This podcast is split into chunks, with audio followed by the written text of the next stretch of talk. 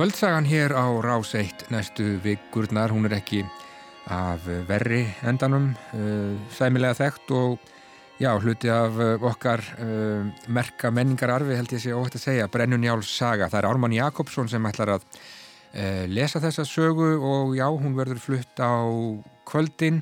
Ármann, kannski bara fyrst hvað kemur til njála nú? Já, það er nú eiginlega frá því að segja að ég á stóra afmæli í sumar og það er reyndar ég er orðin svo gammal að maður er hættur að telja árin en látum bara næja að það er stóra afmæli. Og mér langaði að gera eitthvað til að augra sjálfur mér en ákvaða að notast ekki við fjallgöngun eða annað sem fólk gerur þessum aldrei til að eh, fara út fyrir þægindaramman eins og það er kallað í nútífamáli þannig að ég mér kom í huga að lesa njálu og ég las hana fyrir jól fyrir örfáa hlustendur á vegum menningarfélagsins hinnar kindarinnar sem er eitt merkasta menningarfélag hér í bæ og Birna Bjarnadóttir stýrir. Og lesturinn gekk nógu vel til þess að ég fylgti svolítum ofmötnaði og bauð ykkur í útvarpinu að lesa hana. Og svo náttúrulega koma því að þegar ég eh, þegar lesturinn er að hefjast að ég fór að hugsa okkur í óskupunum bauði þetta fram Njála er sem sagt, það er erfitt að lesa hana á skemmri tíma en 13-14 klukkutímum. Mm -hmm. þannig að þetta reynir talsvert á líkamann hún er alveg óurlega laung og svo er hún sem kunnugt er öll á fornmáli. Og setningaskipan stundum allt örfið sér í nútíamáli en stundum reyndar alveg eins. Þannig að hún er afskaplega misjamt að lesa hana.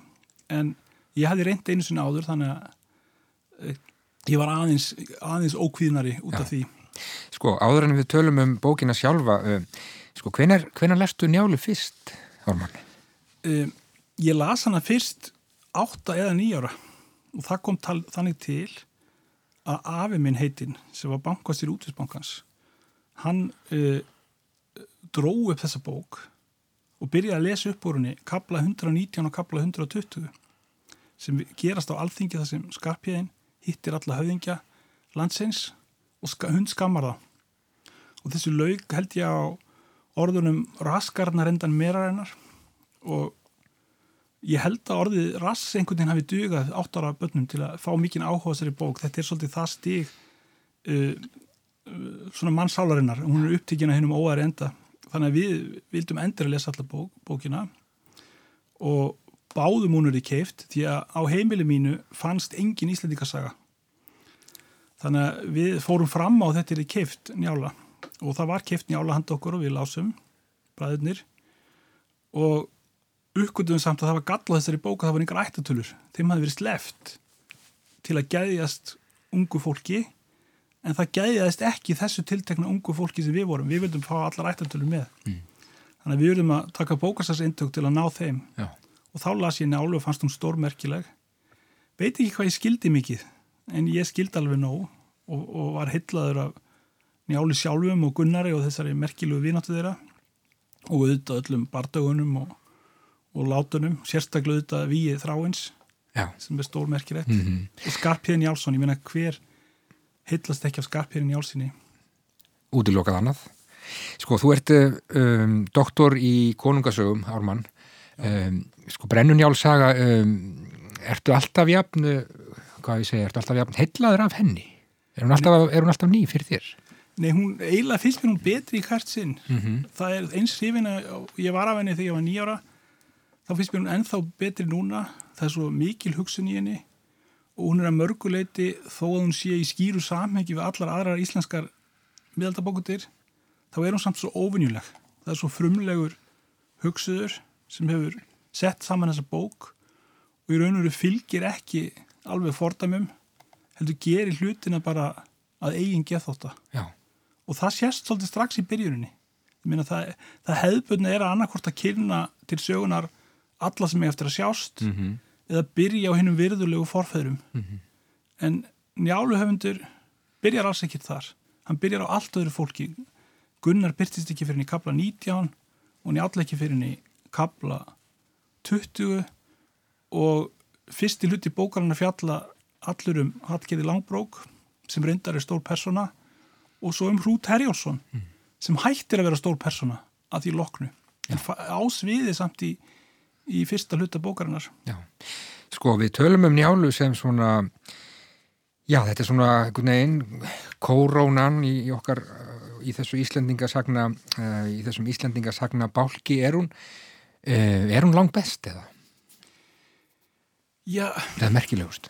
Ég veit það ekki, það, það er, hvað er best? Ég er í lágun alltaf gamal til að hugsa um svo leiðis hluti en hún hefur alltaf þótt stórmerkileg og það sést strax á miðaldum það er til flest handrit af henni hún hefur alltaf verið vinsall jafnvel á þeim tímum sem Íslandikasjóðunar voru alls ekkit vinsalar vinsalastu fórbókundinar og það er nú þannig að til dæmis í upphafi 19. aldar þá verðist konungasögum miklu meiri áhugið síndur en, en Íslandikasögum nokkuð tíman það er svolítið unnu sér sess undir lok 19. aldar og síðan alla 20. aldina en Njála var alltaf vinsal og hún er reynilega bara svo fjölbreytt og ég segi nú alltaf að Íslandikum er ekki alls varnað þeir tóku Njálu þeir tóku ástfóstrifin Njálu mm -hmm. og það sýnir að þeir hafa góðan smekk þannig að Njála hefur alltaf verið vinsal um, og, og verðskuldar það en þetta er líka svo, það er svo mikið í þessari bók. Það er einhvern metnaður í þessari bók svipaður kannski og hjá fremstur íttöfundum 2000 aldar. Ég bara Tómas Manns og ég takk eitt dæmi. Mm -hmm. að reyna einhvern veginn að höndla allt saman höndla allan allt saman, allt lífið allt samfélagið í einni bók. Og það tekst? Já, tekst og tekst. Það, það, að minnst okkur verður til úr þessu stórbróti listaverk sem njála er. Mm -hmm. og, og þessi metnaður í sjálfu sér, ég held að metnaður sé bara góður hvort sem fólki tekst eða mistekst. Það er alltaf stór brotið að fylgjast með tilhörunni mm -hmm. Hvernig finnst þér Ármann uh, við hafa hvað ég segja, farið með njálu? Hvernig um, alltaf, auðvitað mikið skrifað um þessa bók uh, svona, ég veit að þú þekkir það allt saman, gjör þekkir, hvernig finnst þér við hafa svona í gegnum tíðin að farið með njálu? Nálgast hann Já, það er náttúrulega bara þannig að uh, þeir sem lesa bækur skilja allt sínum skilningi. Þannig að fólk getur lesið njála mjög lítilfjörlegan hátt eða það er sjálft þannig. Mm -hmm. og mér finnst Íslandikar alls ekki lesa njálu nóg, nóg oft. Það eru fjölmarki sem lesa, lesa bókina bara alls ekkert og, eða lesa hann ekki nóg vel og reyna að flýta sér og, og þess er einmitt gott að lesa hann upp í útvarpið.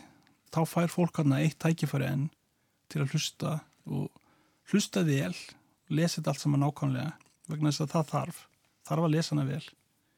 Þannig að, þannig að um, já, það er bara þetta er bara svona eins og að fara á matsölustaf og kaupa ekki besta réttin. Veist, það er svipað, njála er hérna til mm -hmm. og hún er fyrir okkur að lesa og þetta á fólk að lesa hana. Já, þú hefur lesturinn hér á rás eitt á morgun ármann, uh, þarftu að setja þig í einhverjar sérstakar stellingar til að lesa njálu? Já, það er auðvitað óhjákvæmilegt. Og að sumu leiti var ég ekki með mjög skýra áallun um hvernig ég ætla að lesa hana. En að því að ég er gamal lesandi bókarinnar og tólkandi þá reynir ég auðvitað að setja svolítið tólkun í lesturinn. Mm -hmm. ég reyna að koma merkingunni til skila einhvern veginn draga fram í lesturinnum hvað sé mikilvægt og, og hvað ekki. Og það er auðvitað mín helsta ráðagerð. Og annað markmið er auðvitað að þetta sé skemmtilegt þetta sé áheirilegt fólki leiðist ekki. Og það er auðvitað ég er auðvitað að keppa við ansi góða lesara. Það var mjög margir færir lesarar spreitt sér á njálu. Ég er nú korki leikari en ég þölvanur upplösari og sjaldan kallaður til til að lesa upp. Um, þannig, að, þannig að þetta er viss þetta er viss kannski um, hvað ég voru að segja fípdirska mm. að taka þetta verk á hendur. Og ég sjálfur hlustaði á Einar Ólaf lesa hana þegar ég var barn og mér fannst hann stór góður en hann auðvitað las hann eins og, eins og hann skildana las hann kannski meiri þunga en ég geri. Sjáum hvað setur með það. Um, kvöldsagan hér á Ráseitt næstu vikurnar það er um, Brennunjál saga og um, Ármann Jakobsson les, þetta er besti rétturinn segir hann og Já, ég hlaka til að heyra Ármann svo sannlega og við munum halda áfram að tala um njálu hér í Víðsjá á næstu veikum. Takk fyrir spjallin.